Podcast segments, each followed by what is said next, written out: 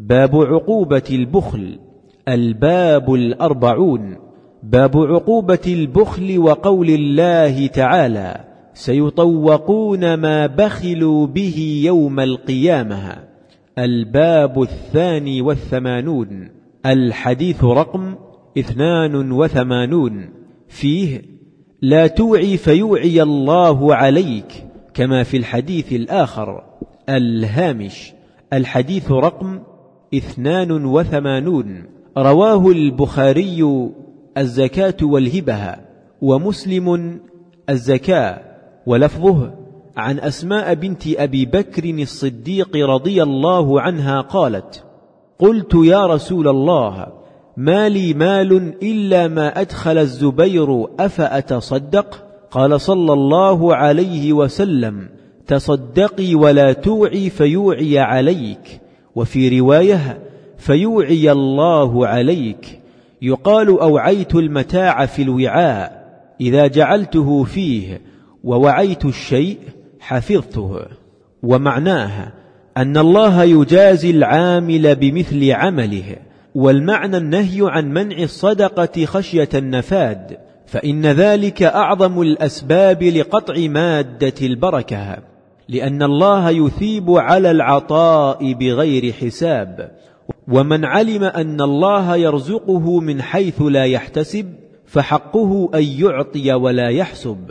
المتن الحديث رقم ثلاثة وثمانون.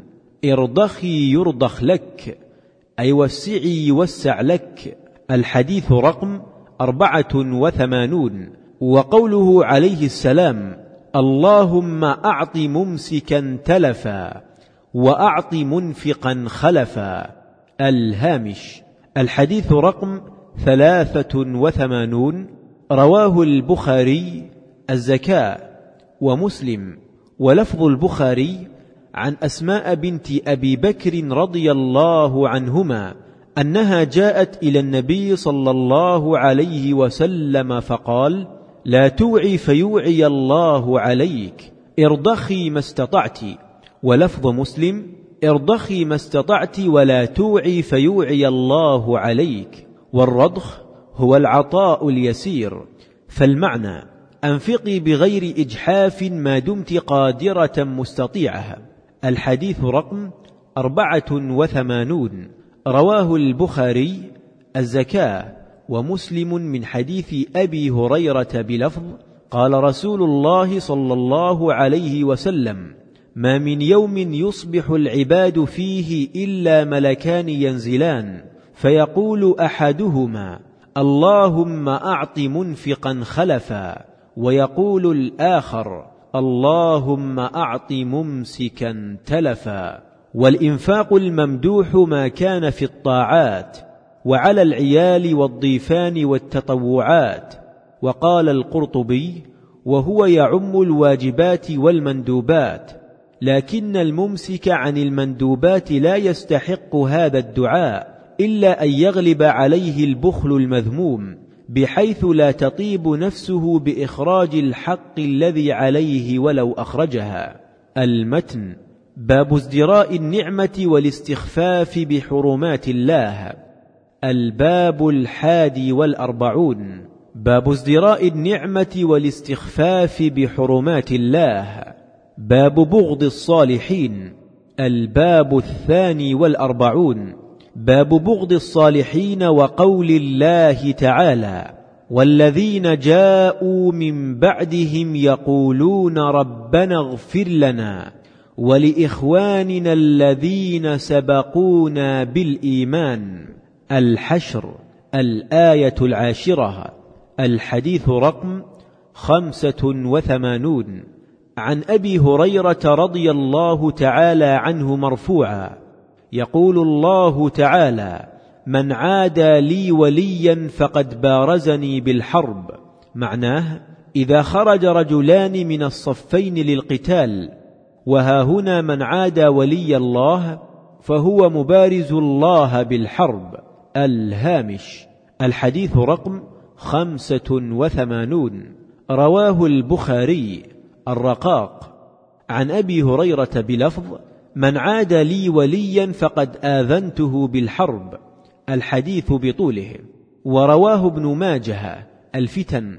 من حديث عمر بن الخطاب بلفظ وإن من عادى لله وليا فقد بارز الله بالمحاربة. الحديث المراد بولي الله العالم بالله المواظب على طاعته المخلص في عبادته. وفي هذا الحديث تهديد شديد لمن يؤذي العلماء بالطعن فيهم وشتمهم أو الاستهزاء بطلبة العلم والعباد لأن من حاربه الله أهلكها. وهذا في جانب المعاداة فكذلك يثبت في جانب الموالاة. فمن والى أولياء الله وأحبهم أحبه الله واكرمها ويستفاد من الحديث أن أداء الفرائض أحب الأعمال إلى الله. ولهذا من ترك الفرائض يعاقب على تركها بخلاف النفل. ولهذا كانت أحب إلى الله وأشد تقربا. وأيضا فالفرض كالأصل والأس والنفل كالفرع والبناء. وفي الإتيان بالفرائض على الوجه المأمور به امتثال الأمر واحترام الآمر بالانقياد إليه وإظهار عظمة الربوبية وذل العبودية فكان التقرب بذلك أعظم العمل والذي يؤدي الفرض قد يفعله خوفا من العقوبة ومؤدي النفل لا يفعله إلا ايثارا للخدمة. فيجازى بالمحبة التي هي غاية مطلوب من تقرب بخدمته. قال بعض العلماء يؤخذ من قوله ما تقرب أن النافلة لا تقدم على الفريضة لأن النافلة إنما سميت نافلة لأنها تأتي زائدة على الفريضة فما لم تؤد الفريضة لا تحصل النافلة ومن أدى الفرض ثم زاد عليه النفل وأدام ذلك تحققت إرادة التقرب. المتن. الحديث رقم ستة وثمانون. عن أبي هريرة مرفوعا. لا يبغض الأنصار رجل يؤمن بالله واليوم الآخر. الهامش. الحديث رقم ستة وثمانون. رواه مسلم. الإيمان. المتن. باب الحسد. الباب الثالث والأربعون باب الحسد وقول الله تعالى ام يحسدون الناس على ما اتاهم الله من فضله؟ النساء الآية الرابعة والخمسون الحديث رقم سبعة وثمانون عن أنس رضي الله تعالى عنه مرفوعا. لا يؤمن أحدكم حتى يحب لأخيه ما يحب لنفسه. الحديث رقم ثمانية وثمانون. وعن أبي هريرة رضي الله تعالى عنه مرفوعا إياكم والحسد فإنه يأكل الحسنات كما تأكل النار الحطب أو قال العشب. رواه أبو داود.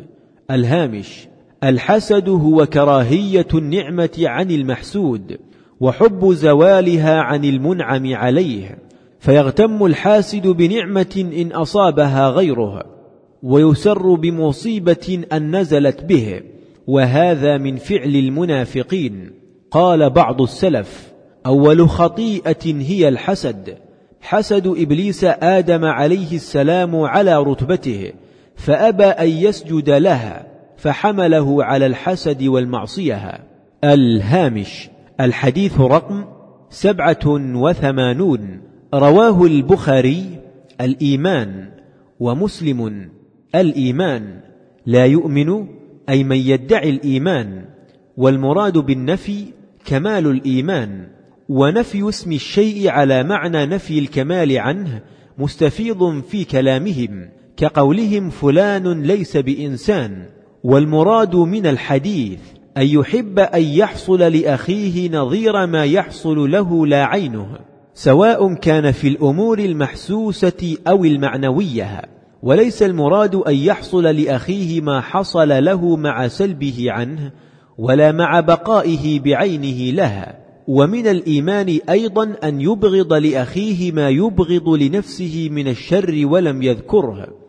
لأن حب الشيء مستلزم لبغض نقيضه فترك التنصيص عليه اكتفاء. الحديث رقم ثمانية وثمانون. رواه أبو داود الأدب وعبد بن حميد كما في المنتخب والبخاري في التاريخ الكبير وإسناده ضعيف في رجل مجهول وله شاهد ضعيف جدا رواه ابن ماجه. الزهد في إسناده عيسى بن ميسرة متروك الحديث. في إسناده عيسى بن ميسرة متروك الحديث. وذكره الشيخ ناصر في السلسلة الضعيفة. المتن باب سوء الظن بالمسلمين. الباب الرابع والأربعون. باب سوء الظن بالمسلمين وقول الله تعالى. يا أيها الذين آمنوا اجتنبوا كثيرا من الظن إن بعض الظن إثم. الحديث رقم تسعة وثمانون. عن أبي هريرة رضي الله تعالى عنه مرفوعا إياكم والظن فإن الظن أكذب الحديث. رواه مسلم.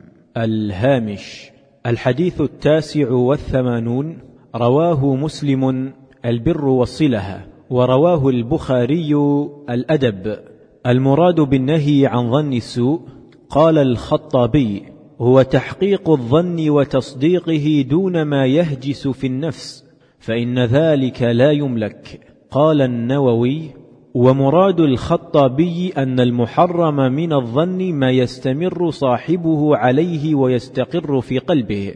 دون ما يعرض في القلب ولا يستقر فإن هذا لا يكلف به ومعناه احذروا اتباع الظن واحذروا سوء الظن بمن لا يساء الظن به من العدول والظن تهمة تقع في القلب بلا دليل قال الغزالي وهو حرام كسوء القول. لكن لست أعني به إلا عقد القلب وحكمه على غيره بالسوء. أما الخواطر وحديث النفس فعفو بل الشك عفو أيضا. فالمنهي عنه أن تظن والظن عبارة عما يركن إليه النفس ويميل إليه القلب. وسبب تحريمه أن أسرار القلوب لا يعلمها إلا علام الغيوب فليس لك أن تعتقد في غيرك سوءا إلا إذا انكشف لك بعيان لا يحتمل تأويلا فعند ذلك لا تعتقد إلا ما علمته وشاهدته فما لم تشاهده ولم تسمعه ثم وقع في قلبك فإنما الشيطان يلقيه إليك. فينبغي تكذيبه فإنه أفسق الفساق. المتن باب ما جاء في الكذب على الله أو على رسوله. الباب الخامس والأربعون باب ما جاء في الكذب على الله أو على رسوله وقول الله تعالى ومن أظلم ممن افترى على الله كذبا. الآية العنكبوت الآية الثامنة والستون وقوله تعالى ويوم القيامة ترى الذين كذبوا على الله وجوههم مسوده الآية الزمر. الآية الستون. الحديث رقم تسعون. وفي الصحيح عن أنس رضي الله تعالى عنه أن رسول الله صلى الله عليه وسلم قال إن كذبا علي ليس ككذب على غيري. من كذب علي متعمدا فليتبوأ مقعده من النار. الحديث رقم واحد وتسعون. ولمسلم عن سمرة بن جندب رضي الله عنه مرفوعا من حدث عني بحديث يرى أنه كذب فهو أحد الكذابين. الهامش الحديث رقم تسعون. رواه مسلم المقدمة. بلفظ من تعمد علي الكذب فليتبوأ مقعده من النار. أما لفظ المصنف فرواه البخاري الجنائز ومسلم المقدمة من حديث المغيرة بن شعبة.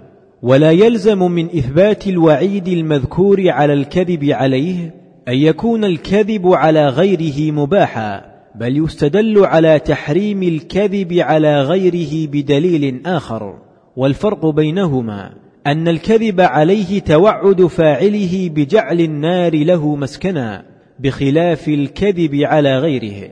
الحديث رقم واحد وتسعون. رواه مسلم في المقدمة. وجاء في صحيح مسلم الكاذبين أي على الجمع.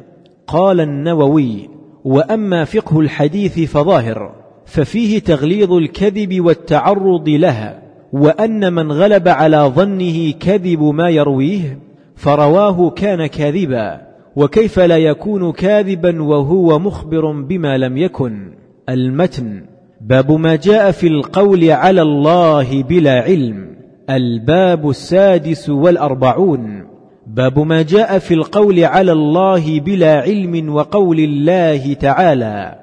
قل إنما حرم ربي الفواحش ما ظهر منها وما بطن والإثم والبغي بغير الحق إلى قوله وأن تقولوا على الله ما لا تعلمون قال أبو موسى من علمه الله علما فليعلمه الناس وإياه أن يقول ما لا علم له به فيكون من المتكلفين ويمرق من الدين.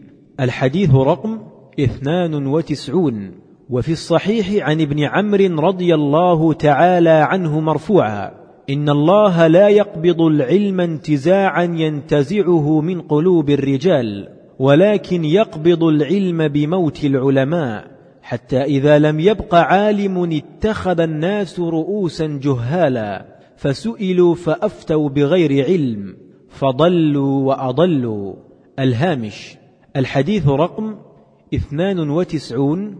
رواه البخاري. العلم والاعتصام. ومسلم. انتزاعا. أي محوا من الصدور. قال الحافظ في الفتح بعد أن ذكر أحاديث في الفتن وقبض العلم. ويمكن أن تنزل هذه الأحاديث على الترتيب في الواقع. فيكون أولا رفع العلم بقبض العلماء المجتهدين الاجتهاد المطلق ثم المقيد ثانيا فإذا لم يبق مجتهد استووا في التقليد. لكن ربما كان بعض المقلدين أقرب إلى بلوغ درجة الاجتهاد المقيد من بعض ولا سيما إن فرعنا على جواز تجزؤ الاجتهاد.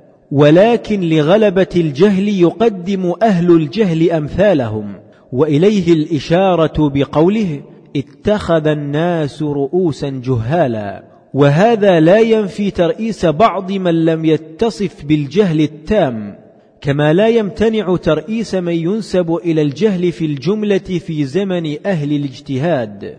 يزداد حينئذ عليه الجهل وترئيس أهله. ثم يجوز أن يقبض أولئك حتى لا يبقى منهم أحد. وذلك جدير بأن يكون عند خروج الدجال أو بعد موت عيسى عليه السلام. وحينئذ يتصور خلو الزمان عمن ينسب إلى العلم أصلا. ثم تهب الريح فتقبض كل مؤمن.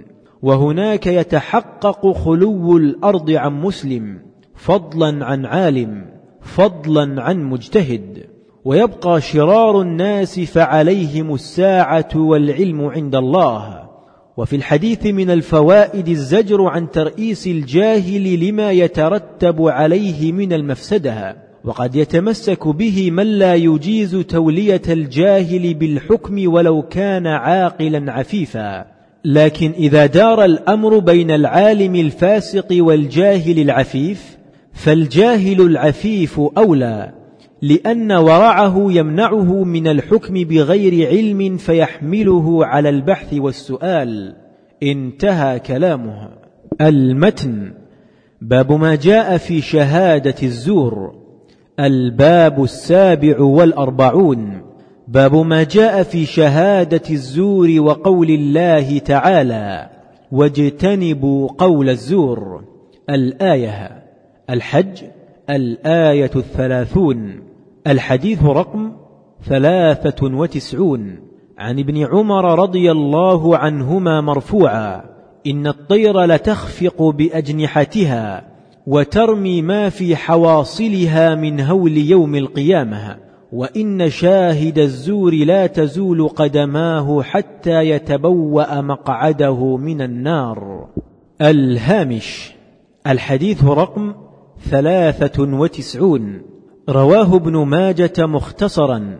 الأحكام والحاكم في المستدرك بلفظ لا تزول قدم شاهد الزور يوم القيامة حتى تجب له النار. وقال الحاكم صحيح الإسناد ووافقه الذهبي. قلت في إسناده محمد بن الفرات وهو كذاب. ورواه أبو نعيم في الحلية من طريق محمد بن خليد عن خلف بن خليفة عن مسعر عن محارب عن ابن عمر ومحمد بن خليد ضعيف. المتن الحديث رقم أربعة وتسعون. ولهما من حديث أبي بكر رضي الله عنه ألا وقول الزور ألا وشهادة الزور. فما زال يكررها حتى قلنا ليته سكت. الهامش. الحديث رقم أربعة وتسعون.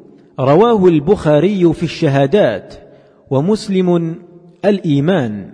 من حديث طويل فيه ألا أنبئكم بأكبر الكبائر؟ الحديث أصل الزور تحسين الشيء ووصفه بخلاف الحقيقة. حتى يخيل لمن سمعه أنه خلاف ما هو به. وفي الاصطلاح مدح من لا يشهد شيئا من الباطل ويشعر التكرير تأكيد تحريمه وعظم قبحه وسبب الاهتمام بذلك. كون قول الزور أو شهادة الزور أسهل وقوعا على الناس. كون قول الزور أو شهادة الزور أسهل وقوعا على الناس والتهاون بها أكثر. فإن الإشراك ينبوعه قلب المسلم والعقوق يصرف عنه الطبع وأما الزور فالحوامل عليه كثيرة كالعداوة والحسد وغيرهما فاحتيج إلى الاهتمام بتعظيمه. وليس ذلك لعظمها بالنسبة إلى ما ذكر معها من الإشراك قطعا بل لكون مفسدة الزور متعدية إلى غير الشاهد. بخلاف الشرك فإن مفسدته قاصرة غالبا. المتن باب ما جاء في اليمين الغموس الباب الثامن والأربعون. باب ما جاء في اليمين الغموس الحديث رقم خمسة وتسعون. الحديث رقم خمسة وتسعون. عن ابن مسعود رضي الله عنه مرفوعا. من حلف على مال امرئ مسلم بغير حقه لقي الله وهو عليه غضبان. ثم قرأ علينا رسول الله صلى الله عليه وسلم إن الذين يشترون بعهد الله وأيمانهم ثمنا قليلا. آل عمران الآية السابعة والسبعون.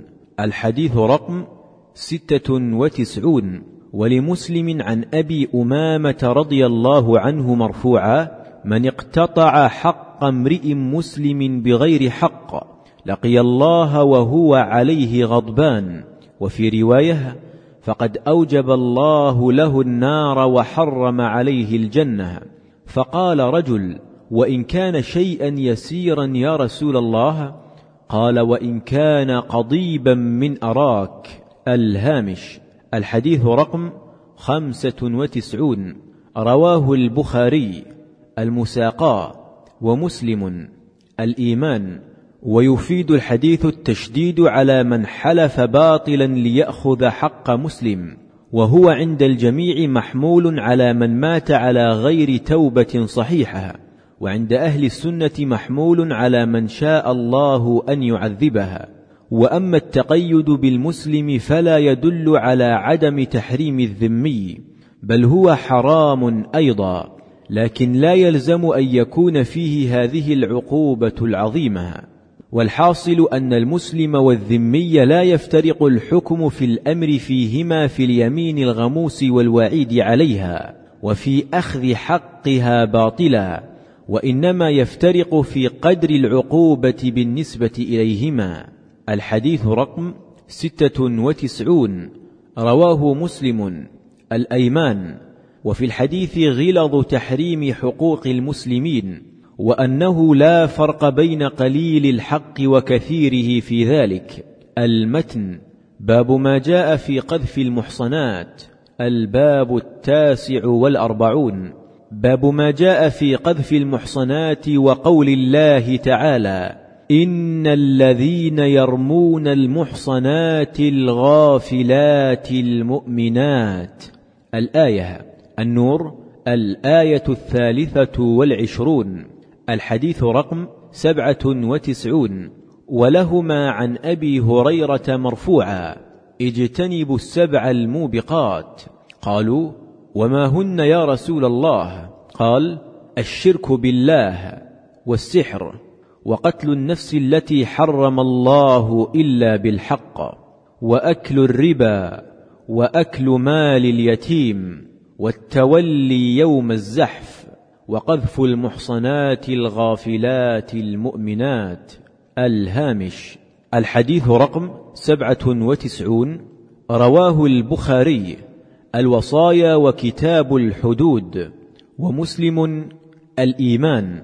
الموبقات المهلكات سميت بذلك لأنها سبب لإهلاك مرتكبها والمراد قذف المحصنات الحرائر العفيفات ولا يختص بالمتزوجات بل حكم البكر كذلك بالإجماع.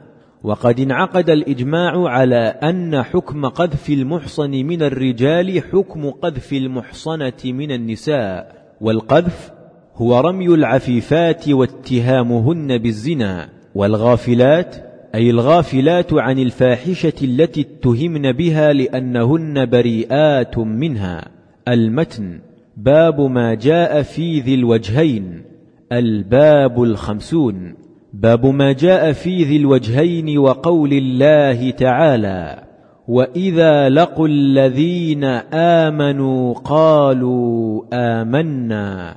وقوله مذبذبين بين ذلك لا إلى هؤلاء ولا إلى هؤلاء. الحديث رقم ثمانية وتسعون. ولهما عن أبي هريرة رضي الله عنه مرفوعا تجدون شر الناس يوم القيامة ذا الوجهين الذي يأتي هؤلاء بوجه وهؤلاء بوجه. الهامش. الحديث رقم ثمانية وتسعون رواه البخاري المناقب والأدب والأحكام ومسلم البر والصله قال الحافظ يحتمل أن يكون المراد بالناس من ذكر من الطائفتين المتضادتين خاصة فإن كل طائفة منهما مجانبة للأخرى ظاهرا. فلا يتمكن من الاطلاع على أسرارها إلا بما ذكر من خداعه الفريقين ليطلع على أسرارهم فهو شرهم كلهم والأولى حمل الناس على عمومه فهو أبلغ في الذم. قال القرطبي إنما كان ذو الوجهين شر الناس لأن حاله حال المنافق إذ هو متملق بالباطل بالكذب مدخل للفساد بين الناس. قال النووي هو الذي يأتي كل طائفة بما يرضيها فيظهر لها أنه منها ومخالف لضدها وصنيعه نفاق ومحض كذب وخداع وتحيل على الاطلاع على أسرار الطائفتين وهي مداهنة محرمها فأما من يقصد بذلك الإصلاح بين الطائفتين فهو محمود. وقال غيره الفرق بينهما أن المذموم من يزين لكل طائفة عملها ويقبحه عند الأخرى ويذم كل طائفة عند الأخرى والمحمود أن يأتي لكل طائفة بكلام فيه صلاح الأخرى ويعتذر لكل واحدة عن الأخرى وينقل إليها ما أمكنه من الجميل ويستر القبيح. المتن الحديث رقم تسعة وتسعون وعن أنس رضي الله عنه مرفوعا من كان ذا لسانين جعل الله له يوم القيامة لسانين من النار. الهامش الحديث رقم تسعة وتسعون رواه البزار كما في كشف الأستار. الأدب قال الهيثمي رواه البزار وأبو يعلى وفيه إسماعيل بن مسلم المكي وهو ضعيف. ورواه الطبراني في الأوسط كما في مجمع البحرين. قال الهيثمي رواه الطبراني في الأوسط وفيه مقدام بن داود ضعيف وله شاهد من حديث عمار بن ياسر رواه أبو داود الأدب وله شاهد آخر من حديث سعد بن أبي وقاص رواه الطبراني كما في مجمع البحرين. المتن باب ما جاء في النميمة. الباب الحادي والخمسون. باب ما جاء في النميمة وقول الله تعالى هماز مشاء بنميم. الحديث رقم مئة. عن حذيفة رضي الله عنه مرفوعا لا يدخل الجنة نمام. همز الإنسان اغتابها. والنم إظهار الحديث بالوشاية وأصل النميمة الهمس والحركة والنميمة نقل كلام الناس بعضهم إلى بعض على وجه الإفساد سواء كان المنقول قولا أم فعلا وسواء كان عيبا أم لا. الهامش الحديث رقم مئة رواه البخاري الأدب ومسلم الإيمان. واللفظ لمسلم وجاء في لفظ البخاري ولفظ آخر لمسلم لا يدخل الجنة قتات وهو النمام. لا يدخل الجنة أي في أول وهلها. قال الحافظ. قال الغزالي ما ملخصه. ينبغي لمن حملت إليه النميمة ألا يصدق من نم لها ولا يظن بمن نم عنه ما نقل عنه. ولا يبحث عن تحقيق ما ذكر لها وأن ينهاه ويقبح له فعلها وأن يبغضه إن لم ينزجر وأن لا يرضى لنفسه ما نهى النمام عنه فينم هو على النمام فيصير نماما.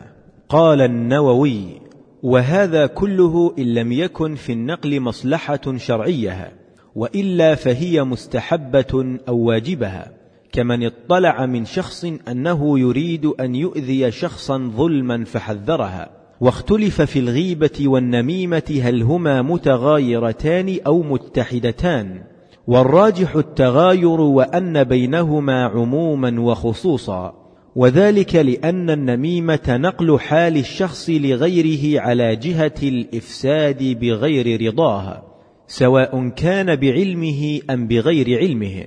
والغيبة ذكره في غيبته بما لا يرضيه فامتازت النميمة بقصد الفساد ولا يشترط ذلك في الغيبة وامتازت الغيبة بكونها في غيبة المقول فيه واشترك فيما عدا ذلك. المتن الحديث رقم مئة وواحد ولهما في حديث القبرين إنهما ليعذبان. وما يعذبان في كبير بلى إنه كبير أما أحدهما فكان لا يستبرئ من البول وأما الآخر فكان يمشي بالنميمة. الحديث الحديث رقم مئة واثنان ولمسلم عن ابن مسعود رضي الله عنه مرفوعا ألا هل أنبئكم ما العضه هي النميمة؟ القالة بين الناس الهامش الحديث رقم مئة وواحد رواه البخاري الطهارة والجنائز والأدب ومسلم الطهارة ولفظ الصحيحين يستتر بدل يستبرئ أي يتجنبه ويتحرز منه. أبدى بعض العلماء للجمع بين هاتين الخصلتين مناسبها. وهي أن البرزخ مقدمة الآخرة وأول ما يقضى فيه يوم القيامة من حقوق الله الصلاة ومن حقوق العباد الدماء ومفتاح الصلاة التطهر من الحدث والخبث ومفتاح الدماء الغيبة والسعي بين الناس بالنميمة بنشر الفتن التي يسفك بسببها الدماء. الحديث رقم مئة وإثنان. رواه مسلم. البر والصلة المتن. باب ما جاء في البهتان. الباب الثاني والخمسون. باب ما جاء في البهتان وقول الله تعالى والذين يؤذون المؤمنين والمؤمنات بغير ما اكتسبوا. فقد احتملوا بهتانا وإثما مبينا. الحديث رقم مئة وثلاثة عن ابن عمر مرفوعا من قال في مؤمن ما ليس فيه أسكنه الله ردغه الخبال حتى يخرج مما قال. رواه أبو داود بسند صحيح. الحديث رقم مئة وأربعة. ولمسلم عن أبي هريرة رضي الله تعالى عنه مرفوعا أتدرون ما الغيبة؟ قالوا الله ورسوله أعلم قال ذكرك أخاك بما يكره. قيل أفرأيت إن كان في أخي ما أقول؟ قال إن كان فيه ما تقول فقد اغتبتها وإن لم يكن فيه ما تقول فقد بهتها البهتان هو الباطل. وأصل البهت أن يقال الباطل في وجهه. الهامش. الحديث رقم مئة وثلاثة. رواه أبو داود. الأقضية. وابن ماجه. الأشربة. وأحمد والحاكم. وزاد ابن ماجه. قالوا يا رسول الله وما ردغة الخبال؟ قال عصارة أهل النار. ذكره الشيخ ناصر في السلسلة الصحيحة وخروجه مما قال أن يتوب عنه ويستحل من المقول فيه. الحديث رقم مئة وأربعة رواه مسلم البر والصلة. المتن باب ما جاء في اللعن. الباب الثالث والخمسون باب ما جاء في اللعن. الحديث رقم مئة وخمسة. عن أبي الدرداء رضي الله تعالى عنه مرفوعا. إن العبد إذا لعن شيئا صعدت اللعنة إلى السماء فتغلق أبواب السماء دونها ثم تهبط إلى الأرض فتغلق أبوابها دونها ثم تأخذ يمينا وشمالا فإذا لم تجد مساغا رجعت إلى الذي لعن. فإن كان أهلا وإلا رجعت إلى قائلها. رواه أبو داود بسند جيد. الحديث رقم مئة وستها وله شاهد عند أحمد بسند من حديث ابن مسعود. الحديث رقم مئة وسبعها وأخرجه أبو داود وغيره من حديث ابن عباس. رواته ثقات لكن أعل بالإرسال. الهامش. الحديث رقم مئة وخمسها رواه أبو داود الأدب. قال الشيخ ناصر في صحيح الجامع. حسن انظر الصحيحة. الحديث رقم مئة وستها رواه أحمد في المسند. قال المنذري في الترغيب والترهيب وإسناده جيد. الحديث رقم مئة وسبعها رواه أبو داود كتاب الأدب والترمذي البر والصلة وابن حبان والطبراني عن ابن عباس رضي الله عنه أن رجلا لعن الريح عند النبي صلى الله عليه وسلم فقال لا تلعن الريح فإنها مأمورها وليس أحد يلعن شيئا ليس له بأهل إلا رجعت عليه اللعنها وقال الترمذي حسن غريب المتن الحديث رقم مئة وثمانية. ولمسلم عن أبي برزة رضي الله عنه مرفوعا أن امرأة لعنت ناقة لها فقال رسول الله صلى الله عليه وسلم لا تصحبنا ناقة عليها لعنها وله عن عمران بنحوه. الهامش الحديث رقم مئة وثمانية. صحيح مسلم البر والصلة. المتن الباب الرابع والخمسون. باب ما جاء في إفشاء السر. الحديث رقم مئة وتسعة. عن أبي سعيد مرفوعا. إن من أشر الناس منزلة عند الله يوم القيامة. الرجل يفضي إلى امرأته وتفضي إليه ثم ينشر سرها. وفي رواية إن من أعظم الأمانة. رواه مسلم. الحديث رقم مئة وعشرة. وعن جابر رضي الله عنه مرفوعا. إذا حدث الرجل بالحديث ثم التفت فهي أمانة. حسنه الترمذي الهامش. الحديث رقم مئة وتسعة. رواه مسلم النكاح يفضي أن يصل إليها ويباشرها ثم ينشر أي يظهر سرها أي ما جرى بينه وبينها من أمور الاستمتاع. الحديث رقم مئة وعشرها.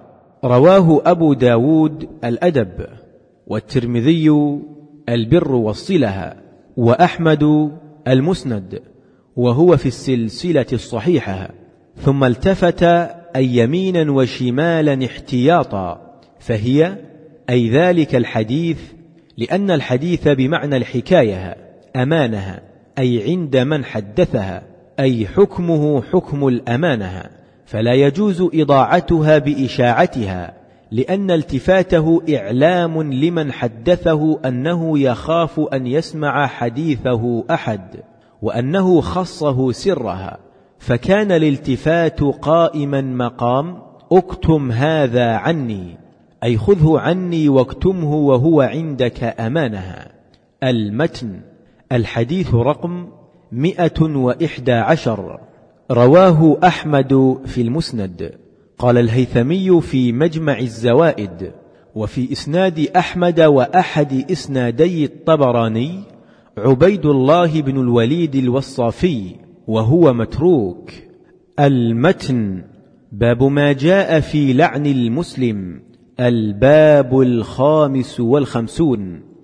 باب ما جاء في لعن المسلم. الحديث رقم مئة واثنى عشر. عن ثابت بن الضحاك رضي الله عنه مرفوعا لعن المؤمن كقتله. أخرجاه. الحديث رقم مئة وثلاثة عشر وللبخاري عن أبي هريرة رضي الله عنه أنهم ضربوا رجلا قد شرب الخمر فلما انصرف قال بعض القوم أخزاك الله. قال النبي صلى الله عليه وسلم لا تقولوا هذا لا تعينوا عليه الشيطان. الهامش الحديث رقم مئة وإثنى عشر. رواه البخاري الأدب ومسلم الإيمان. الحديث رقم مئة وثلاثة عشر. صحيح البخاري الحدود. قال الحافظ ووجه عونهم الشيطان بذلك يريد بتزيينه له المعصية أن يحصل له الخزي. فإذا دعوا عليه بالخزي فكأنهم قد حصلوا مقصود الشيطان بل يندب الدعاء له بالتوبة والمغفرة لأن الدعاء عليه قد يحمله على التمادي أو يقنطه من قبول التوبة. وفي الحديث رد على من زعم أن مرتكب الكبيرة كافر لثبوت النهي عن لعنه والأمر بالدعاء لها المتن. باب ذكر تأكده في الأموات الباب السادس والخمسون. باب ذكر تأكده في الأموات الحديث رقم مئة وأربعة عشر. عن عائشة رضي الله عنها مرفوعا لا تسبوا الأموات فإنهم قد أفضوا إلى ما قدموا. رواه البخاري. الهامش الحديث رقم مئة وأربعة عشر. رواه البخاري. الجنائز. قال الحافظ في الفتح قال ابن بطال سب الأموات يجري مجرى الغيبة فإن كان أغلب أحوال المرء الخير وقد تكون منه الفلتة فالاغتياب له ممنوع وإن كان فاسقا معلنا فلا غيبة لها فكذلك الميت. ويحتمل أن يكون النهي على عمومه فيما بعد الدفن والمباح ذكر الرجل بما فيه قبل الدفن ليتعظ بذلك الفساق الأحياء فإذا صار إلى قبره أمسك عنه لإفضائه إلى ما قدم. وأصح ما قيل في ذلك أن أموات الكفار والفساق يجوز ذكر مساويهم للتحذير منهم والتنفير عنهم. وقد أجمع العلماء على جواز جرح المجروحين من الرواة أحياء وأمواتا. وقيل إن السب ينقسم في حق الكفار وفي حق المسلمين. أما الكافر فيمنع إذا تأذى به الحي المسلم. وأما المسلم فحيث تدعو الضرورة إلى ذلك. كأن يصير من قبيل الشهادة. المتن. باب ذكر قول يا عدو الله أو يا فاسق أو يا كافر ونحوه. الباب السابع والخمسون يا عدو الله أو يا فاسق أو يا كافر ونحوه. الحديث رقم مئة وخمسة عشر. عن أبي ذر رضي الله عنه مرفوعا. لا يرمي رجل رجلا بالفسوق ولا يرميه بالكفر إلا ارتدت عليه إن لم يكن صاحبه كذلك. رواه البخاري. الهامش. الحديث رقم مئة وخمسة عشر. صحيح البخاري. الأدب. قال الحافظ في الفتح وهذا يقتضي أن من قال لآخر أنت فاسق؟ أو قال له أنت كافر فإن كان ليس كما قال كان هو المستحق للوصف المذكور وأنه إذا كان كما قال لم يرجع عليه شيء لكونه صدق فيما قال.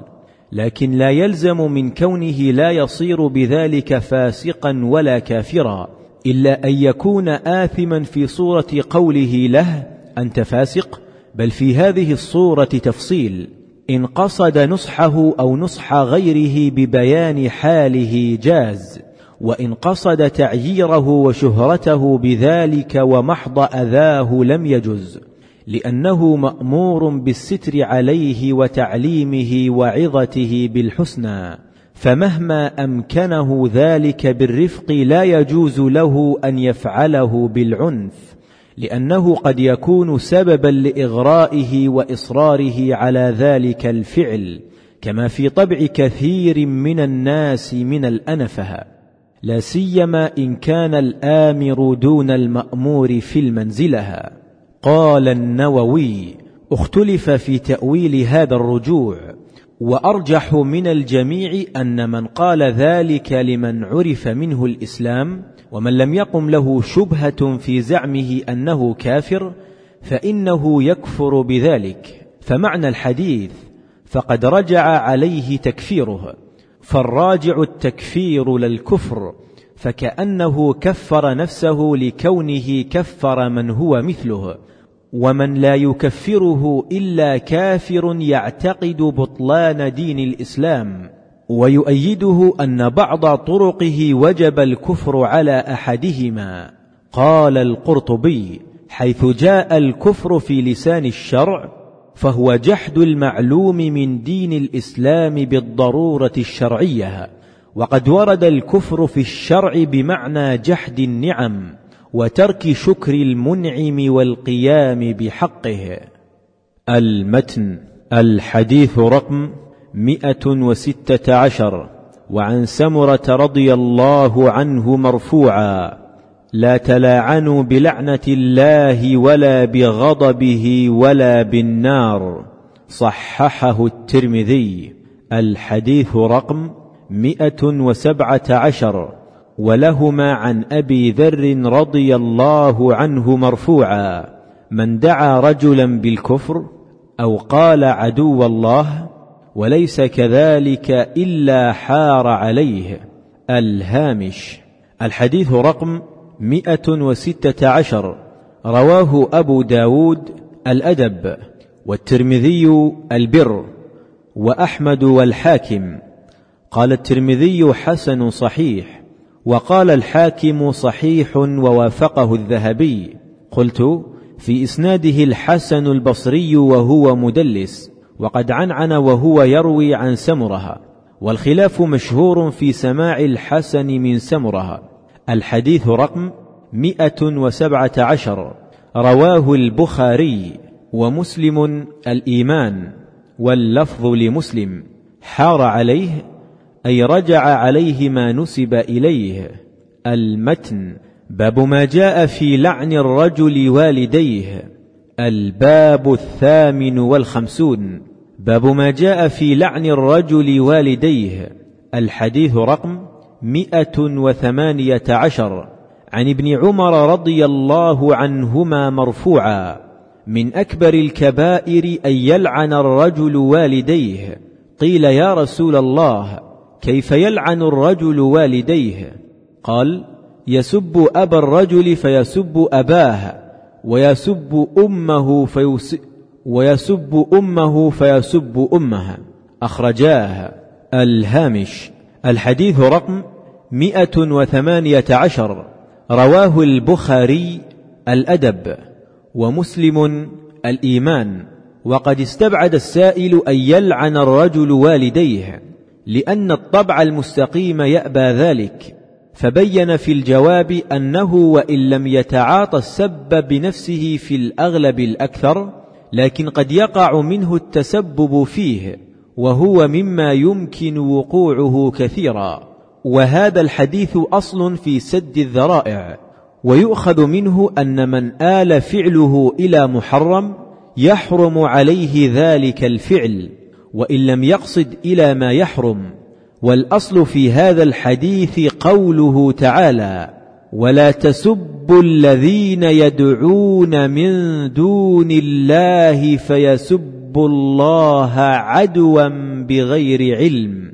وفيه دليل على عظم حق الأبوين وفيه العمل بالغالب لأن الذي يسب أبا الرجل يجوز أن يسب الآخر أباه ويجوز ألا يفعل لكن الغالب أن يجيبه بنحو قوله. واستنبط منه العلماء منع بيع الثوب الحرير لمن يتحقق أنه يلبسه أو العصير أو العنب ممن تحقق أنه يتخذه خمرا. المتن باب النهي عن دعوى الجاهلية. الباب التاسع والخمسون باب النهي عن دعوى الجاهلية. الحديث رقم مئة وتسعة عشر. ولما قال المهاجري يا للمهاجرين وقال الأنصاري يا للأنصار قال رسول الله صلى الله عليه وسلم أبدعوى الجاهلية وأنا بين أظهركم وغضب لذلك غضبا شديدا.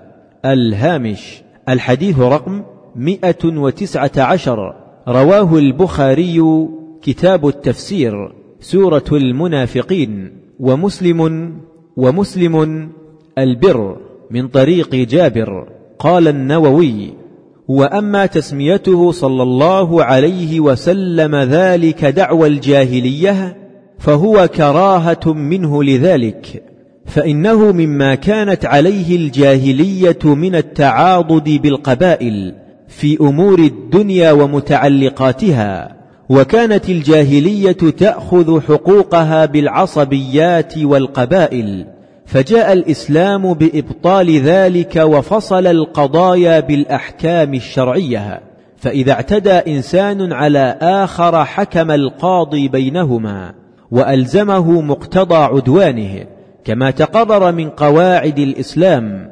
المتن باب النهي عن الشفاعة في الحدود.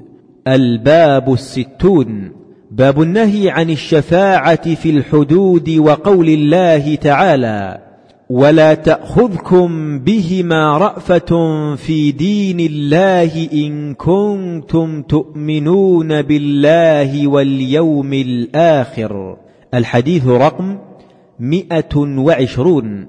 ولهما في حديث المخزومية أتشفع في حد من حدود الله؟ الهامش. الحديث رقم مئة وعشرون.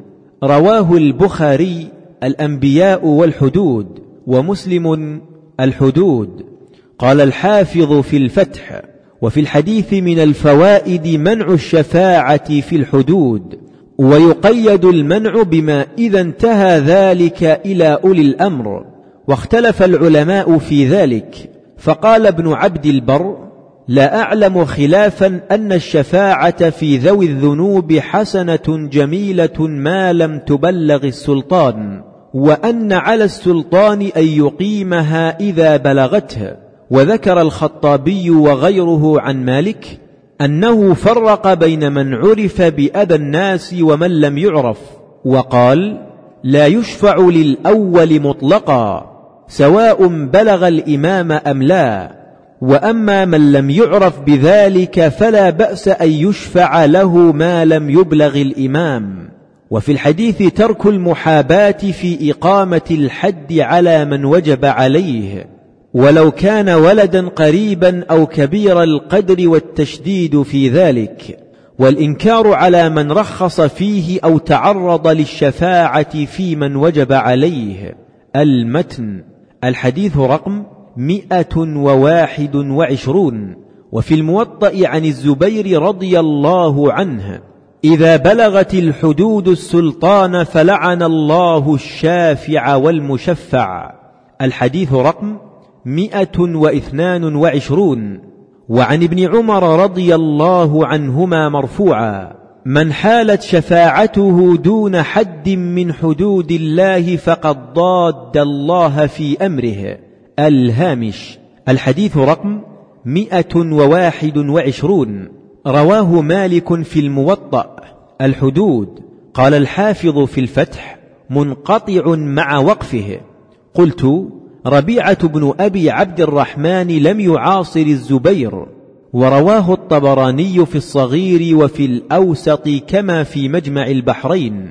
قال الهيثمي وفيه أبو عزية محمد بن موسى الأنصاري ضعفه أبو حاتم وغيره ووثقه الحاكم وعبد الرحمن بن أبي الزناد ضعيف قال الحافظ في الفتح وهو عند ابن أبي شيبة بسند حسن عن الزبير موقوفا وبسند آخر حسن عن علي نحو ذلك. قلت لفظ ابن أبي شيبة عن الزبير وعن علي ليس فيه لعن. الحديث رقم مئة واثنان وعشرون. رواه أبو داود الأقضية وأحمد والحاكم. وقال الحاكم صحيح الإسناد ووافقه الذهبي. ذكره الشيخ ناصر في الصحيحة. ورواه ابن أبي شيبة والبيهقي في الكبرى. موقوفا على ابن عمر. وللمرفوع شاهد عن أبي هريرة رواه الطبراني في الأوسط كما في مجمع البحرين. وقال الهيثمي في مجمع الزوائد وفيه رجاء السقطي ضعفه ابن معين ووثقه ابن حبان. قلت وهو ضعيف. المتن باب من أعان على خصومة في الباطل. الباب الحادي والستون.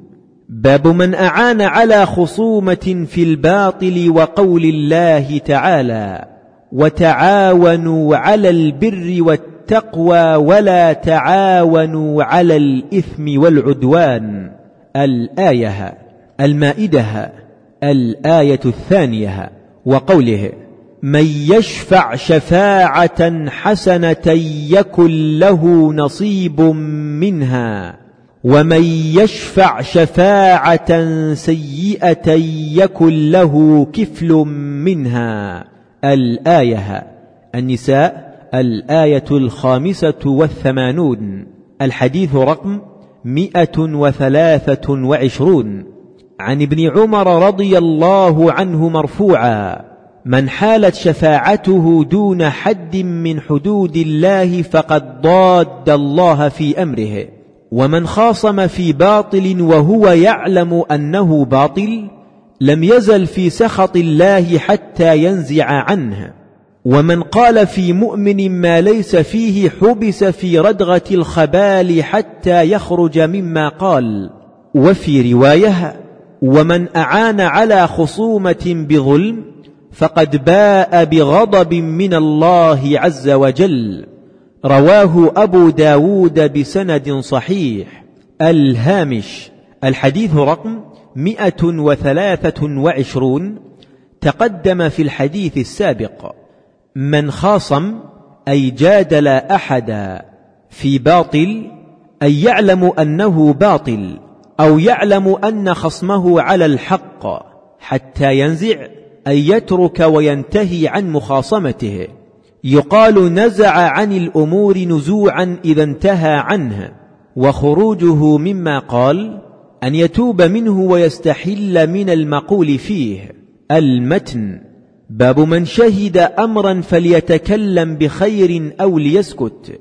الباب الثاني والستون باب من شهد أمرا فليتكلم بخير أو ليسكت. الحديث رقم مئة وأربعة وعشرون. عن أبي هريرة رضي الله عنه مرفوعا من كان يؤمن بالله واليوم الآخر فإذا شهد أمرا فليتكلم بخير أو ليسكت. رواه مسلم. الهامش الحديث رقم مئة وأربعة وعشرون. رواه مسلم. الإيمان والبخاري الأدب بنحوه. المتن باب ما يحذر من الكلام في الفتن. الباب الثالث والستون باب ما يحذر من الكلام في الفتن. الحديث رقم مئة وخمسة وعشرون. عن ابن عمرو رضي الله عنهما مرفوعا. ستكون فتنة تستنظف العرب قتلاها في النار. اللسان فيها أشد من وقع السيف رواه أبو داود. الحديث رقم مئة وستة وعشرون. وله عن أبي هريرة رضي الله عنه مرفوعا ستكون فتنة صماء بكماء عمياء من أشرف لها استشرفت لها وإشراف اللسان فيها كوقوع السيف. الهامش. الحديث رقم مئة وخمسة وعشرون. رواه أبو داود الفتن وابن ماجه الفتن والترمذي وفي إسناده زياد بن سليم مقبول. تستنظف تستوعبهم هلاكا من استنظف الشيء أخذه كلها وقتلاها في النار. بسبب قتالهم على الدنيا واتباعهم الشيطان والهوى أي سيكونون في النار أو هم حينئذ في النار لأنهم يباشرون ما يوجب دخولهم النار. قال القرطبي بالكذب عند أئمة الجور ونقل الأخبار إليهم. فربما ينشأ من ذلك من الغضب والقتل والجلاء والمفاسد العظيمة أكثر مما ينشأ من وقوع الفتنة نفسها. الحديث رقم مئة وستة وعشرون. رواه أبو داود الفتن. وفي إسناده عبد الرحمن بن البيلماني ضعيف.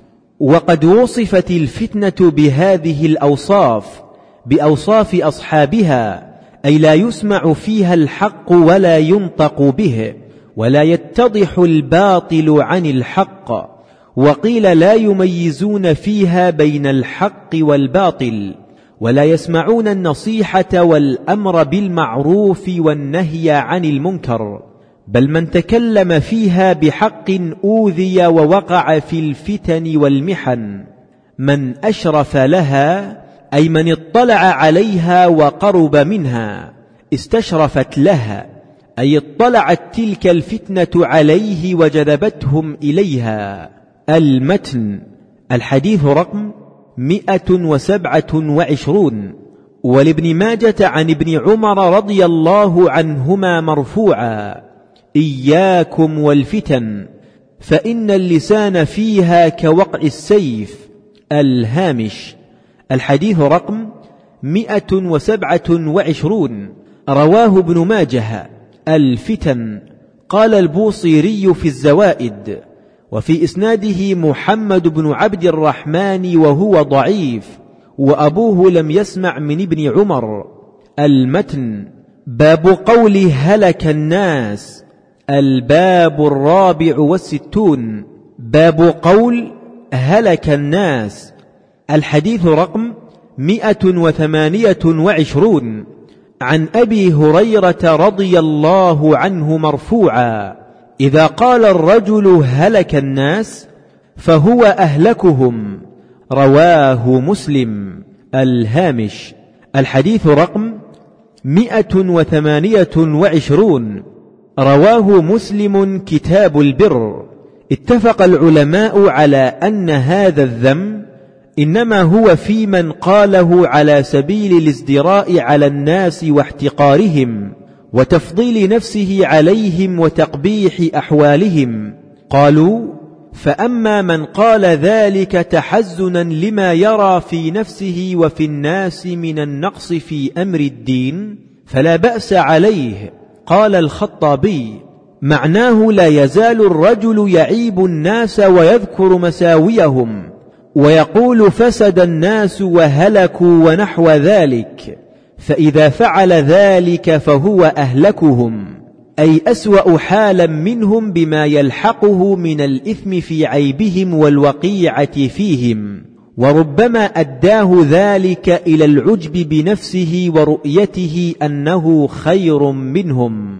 المتن باب الفخر الباب الخامس والستون باب الفخر وقول الله تعالى قال أنا خير منه الآية الأعراف الآية الثانية عشر الحديث رقم مئة وتسعة وعشرون عن عياض بن حمار رضي الله عنه مرفوعا إن الله تعالى أوحى إلي أن تواضعوا حتى لا يفخر أحد على أحد ولا يبغي أحد على أحد.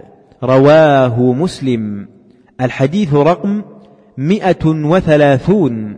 وله عن أبي مالك الأشعري رضي الله عنه قال قال رسول الله صلى الله عليه وسلم أربع في أمتي من أمر الجاهلية لا يتركونهن. الفخر بالأحساب والطعن في الأنساب. والاستسقاء بالنجوم والنياحة على الميت. وقال النائحة إذا لم تتب قبل موتها تقام يوم القيامة وعليها سربال من قطران ودرع من جرب.